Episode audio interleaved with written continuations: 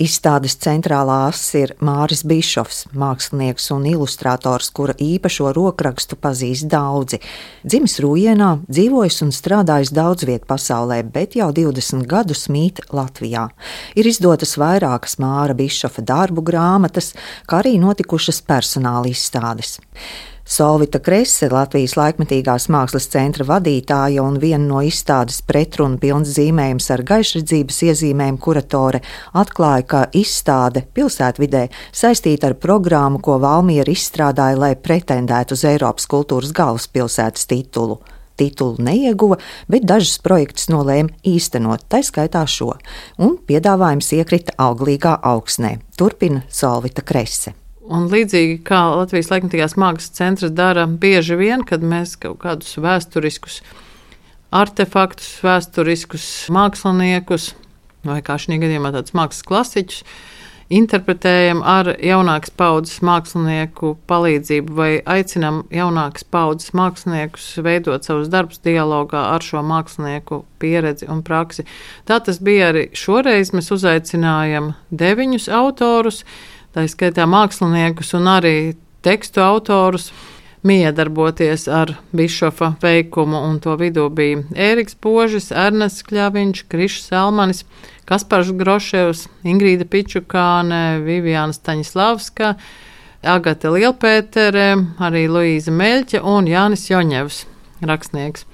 Un tad mēs šīs izstādes ietvarā mēs arī apdzīvojam pilsētu visdažādākajās formās gan pilsētas māju sienas, jumtus, parkus, skolas, baseinus, reklāmas stendus, veikalus, katlogus un arī avīzes, arī e, Mēļķis un Bišopā zīmējumi būs publicēti Valmieras avīzē Liesma, gan arī reģionālajā izdevumā tava izvēle, ja es pareizi saku, tava izvēle, man liekas, tur parādīsies arī Jāņa Joņeva intervence, man liekas, tieši kontekstā ar viņa neseno grāmatu ļoti tāda programmatiska intervence, kas arī sasauksies ar Bišopa darbu.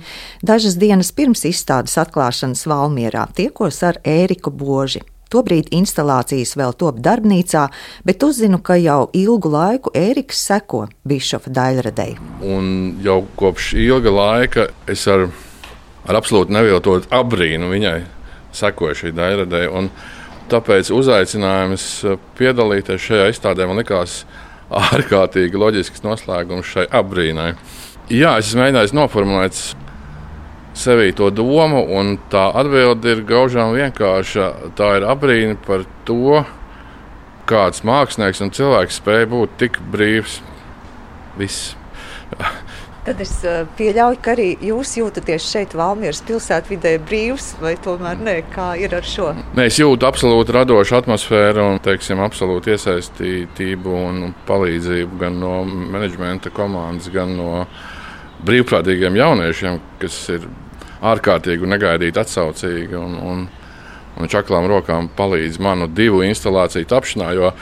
Šī ir uh, pirmā reize manā dzīvē, kad es izstādēju piedalos ar diviem darbiem, no kuriem viens laikam ir pat lielāks nedaudz teiksim, nekā vēja paviljonis Liepājā, kas līdz šim bija teiksim, man lielākā instalācija. Un šī arka tā būs pat augstāka nekā vēja paviljonis Liepājā. Nedaudz augstāka. Materiāls ir dažāds. Materiāls būs uh, finiera karkas, bet uh, pildījums būs uh, mūsu ikdiena.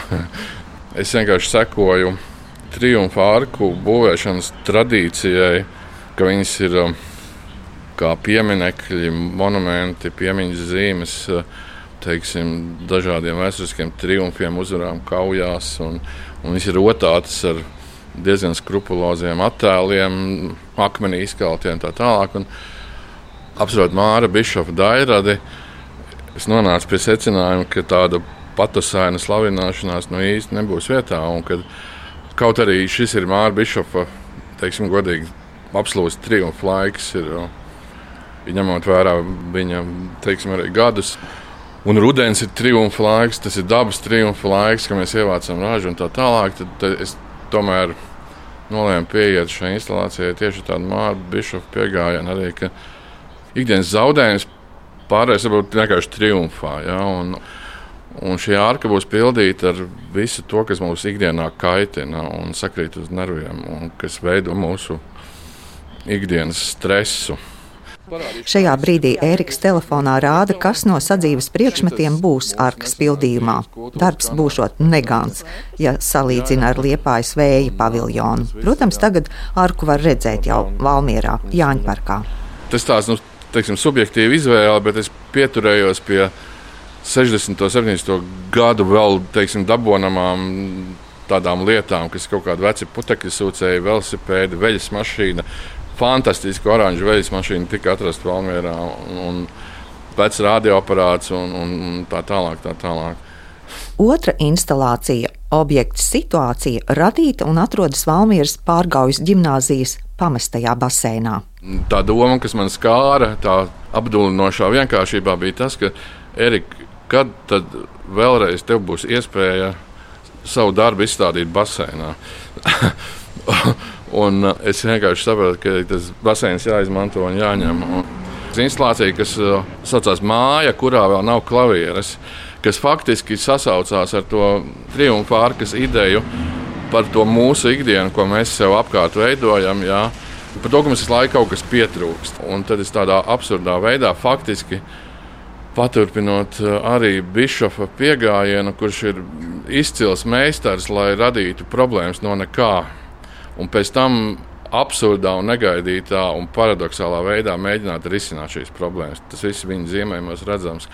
Ērika fotografijās redzu klavierus, kas attraktīvā veidā karāsies virs basēna pie pašas tramplīna malas, bet basēnā izkārtotas dzīvokļu mēbeles. Bet uh, Bišofu daļradēji taču nepārtrauksiet sekot pēc šī. Nē, absolūti, jo viņi man uh, fascinē arī no tāda konteksta, ka nu, es arī fotografēju, esmu fotogrāfs nedaudz. Un, uh, tas, ko es arī sapratu pirms kāda laika, ka bišofa zīmējumiem ir, ir raksturīgs tas, kas mums patīk izcelā franču fotografā, Enrika Čebersona fotografijās. Kad mēs esam nokļuvuši situācijā, attēlā, kadrā, pašā svarīgākajā brīdī. Un, uh, tas ir, ir šausmīgi raksturīgs bišofa zīmējumiem, ka viņš vienmēr parāda to, ka šis moments ir pats nozīmīgākais. Vairākus māksliniekus, ko kuratoris Solvita Krese un Māra Žēkara aicinājušas piedalīties, saista tas, ka viņi strādā ar zīmējumu, līdzīgi kā Bišovs. Tāds ilustratīvs zīmējums ir viņu arī rokraksta sastāvdaļa, kā piemēram Bivijāna, Staņislavska vai Agate Lielpētere vai arī Ingrīda Pičukāna bet arī gribējās redzēt bišopu zīmējumus iemiesotus tādās trīsdimensionālās formās. Un tad, atkal, tur, protams, uzreiz prātā nāk Kēriks Božs vai arī Krišs Salmanis. Šie ir mākslinieki, arī kuriem piemīt, manuprāt, tāda līdzīga humora sajūta, tāda līdzīga izpratne par situāciju un arī spēja ieraudzīt atžgāru no ikdienā. Izstāde pilsētvidē atklāta nesen, taču jau tagad raisījusi diskusiju un pat polemiku atklāja Solvita Krese. Bet valmieriešiem ir interesanti. Tagad skatos arī Valmieras sociālajos tīklos, noris tur diskusija, kur cilvēki diskutē, vai viņiem patīk vai nepatīk karodziņi, un tur arī parādās šie komentāri, kad eh, kas tas tāds bišovs un viņš vispār prot zīmēt.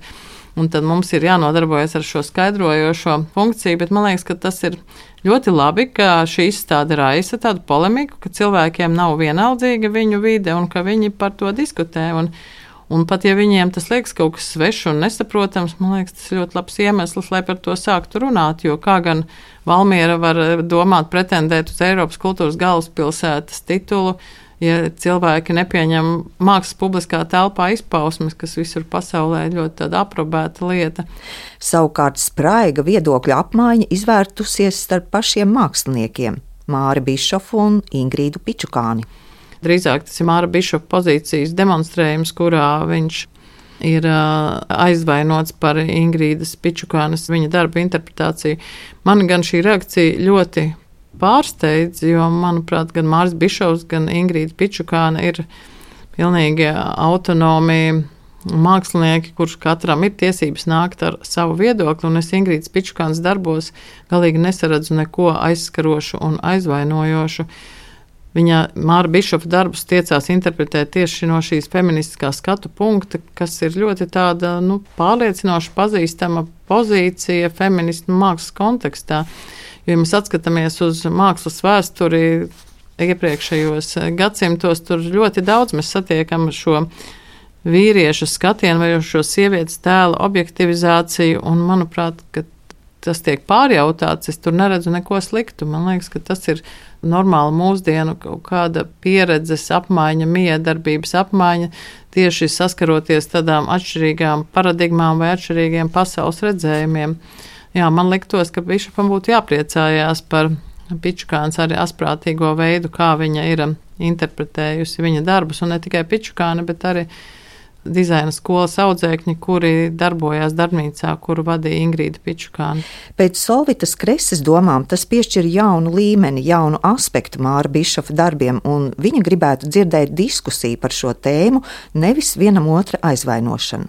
Savukārt izstādes pilsētvidē apmeklētājiem Valmierā Topošā laikmatīgās mākslas telpa Kurtuve kļuvusi par izstādes informācijas centru, kur iespēja aplūkot Māra Bišofa oriģinālu darbus, kā arī saņemt izstādes karti un uzzināt vairāk par izstādes norisi.